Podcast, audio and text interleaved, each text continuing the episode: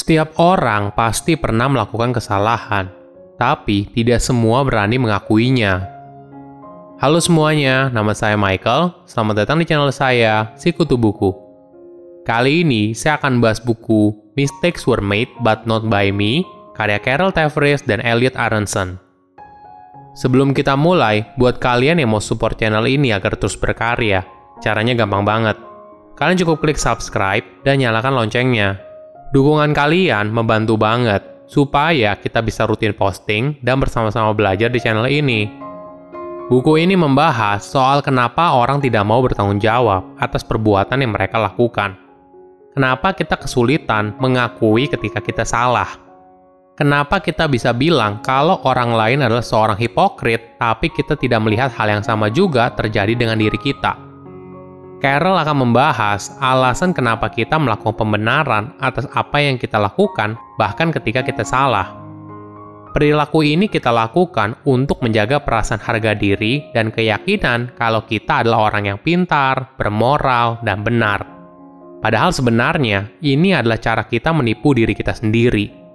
Carol telah melakukan penelitian bertahun-tahun untuk mengetahui bagaimana kita menipu diri kita sendiri, kerugian yang muncul, dan bagaimana cara mengatasinya. Saya merangkumnya menjadi tiga hal penting dari buku ini. Pertama, kenapa kita membenarkan kesalahan sendiri?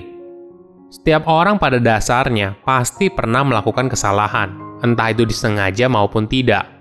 Namun, ketika kita melakukan kesalahan, kebanyakan orang punya kecenderungan untuk melakukan pembelaan diri sebagai cara mereka membenarkan kesalahan yang dilakukan. Ternyata pembenaran ini terjadi karena kita ingin mengurangi perasaan disonansi kognitif. Ini adalah sebuah perasaan di mana kita punya dua pemikiran yang bertentangan di dalam pikiran kita. Sederhananya seperti ini. Kamu ingin mulai pola makan yang sehat, tapi kamu masih nyemil gorengan setiap saat Nah, dua pemikiran ini kan bertentangan. Bukannya kita menyadari kalau perilaku kita ini tidak sesuai, tapi kita malah memberikan pembenaran. Misalnya dengan bilang, ah nggak apa-apa, kan cuma sebiji gorengan aja. Pembenaran ini membuat kita merasa kalau kita mengambil keputusan yang tepat dengan makan gorengan. Padahal tentu saja pilihan kita tidak sesuai. Dari pembenaran ini, kita pasti akan mencari banyak bukti-bukti pendukung kalau nyemil gorengan sedikit itu tidak masalah ada hal menarik soal pembenaran diri. Jika kita menemukan informasi yang mendukung pemikiran kita, maka kita akan mengambil informasi itu sebagai dasar dari argumen pembenaran kita.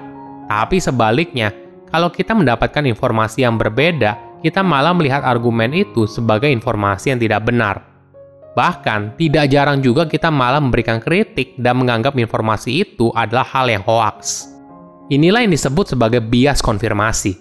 Sebagai contoh, pada tahun 1980-an di Amerika Serikat, banyak orang panik karena mereka yakin kalau ada praktek ilmu hitam di kalangan petinggi pemerintahan dan menculik anak kecil sebagai bagian dari ritualnya. Ketika FBI melakukan investigasi, mereka tidak menemukan bukti apa pun. Tapi hasil penyelidikan FBI malah dibantah oleh masyarakat karena mereka menganggap praktek ilmu hitam ini sangat rapi dan tersembunyi sehingga tidak terdeteksi. Hal yang sama juga bisa kamu terapkan untuk menghindari bias konfirmasi di awal. Misalnya seperti ini. Ketika kamu butuh masukan soal barang apa yang ingin kamu beli, jangan tanya kepada orang yang sudah beli. Mungkin hal ini terdengar aneh. Bukannya dengan mendapatkan testimoni dari orang yang sudah beli, kita jadi tahu kualitas barang tersebut. Ternyata hal ini berlaku sebaliknya. Orang yang sudah beli sebuah barang cenderung akan mengalami bias konfirmasi. Sederhananya seperti ini ketika kita tanya mana yang lebih bagus, Apple atau Samsung? Jawaban yang kita dapat pasti berbeda, tergantung dari kepada siapa pertanyaan ini kita tanyakan. Jika kita tanya kepada pengguna Apple selama bertahun-tahun, tentu saja Apple adalah produk terbaik. Hal yang sama jika kita tanyakan kepada pengguna Samsung, pasti Samsung adalah produk terbaik. Cara yang paling objektif adalah tanyakan produk mana yang terbaik kepada orang yang belum pernah beli dan masih dalam proses mencari informasi produk mana yang terbaik. Kedua, kebanggaan dan prasangka.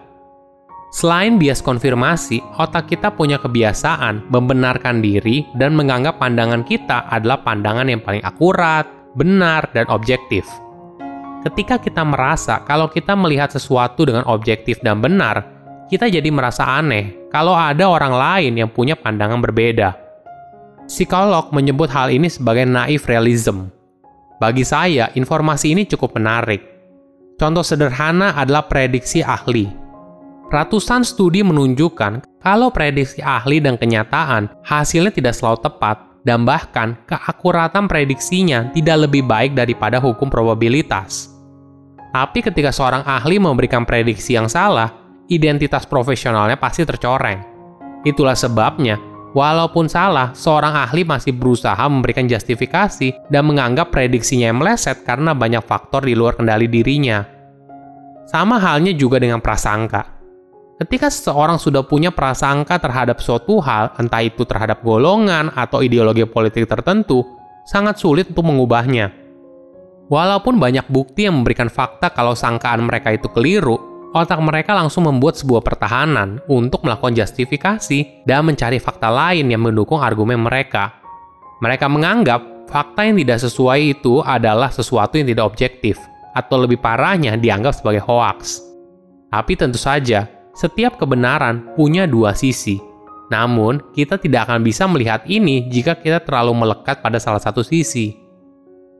Ketiga, cara mengurangi rasa pembenaran diri.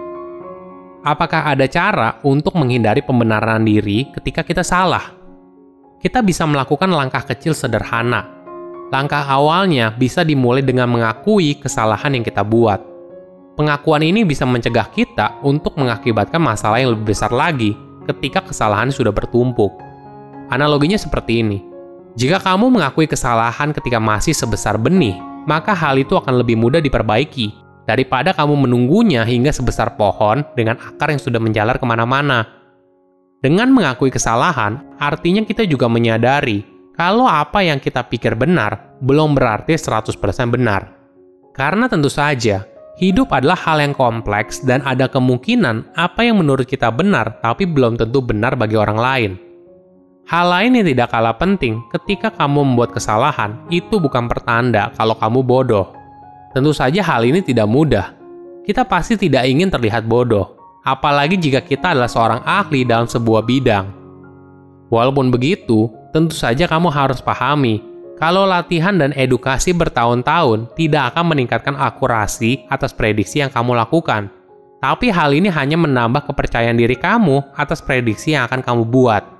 Perlu kamu sadari kalau siapa pun tidak ada yang bisa memberikan prediksi yang akurat 100%. Selain mengakui kesalahan, satu saran yang cukup penting adalah memisahkan sebuah perilaku dengan identitas. Sebagai contoh, misalnya kamu sedang ngantuk, tapi tanpa sadar kamu menabrak seseorang. Tentu saja tidak adil apabila orang memberikan label kepada kamu sebagai orang yang ceroboh satu kejadian buruk tidak bisa memberikan gambaran yang utuh terhadap karakter seseorang. Ketika kita bisa belajar memisahkan antara apa yang kita kerjakan dan identitas diri, kita akan lebih mudah mengakui kesalahan. Sama halnya ketika seorang ahli membuat prediksi dan salah. Dia tidak akan berusaha mencari pembenaran, dia mengakuinya dan memperbaikinya.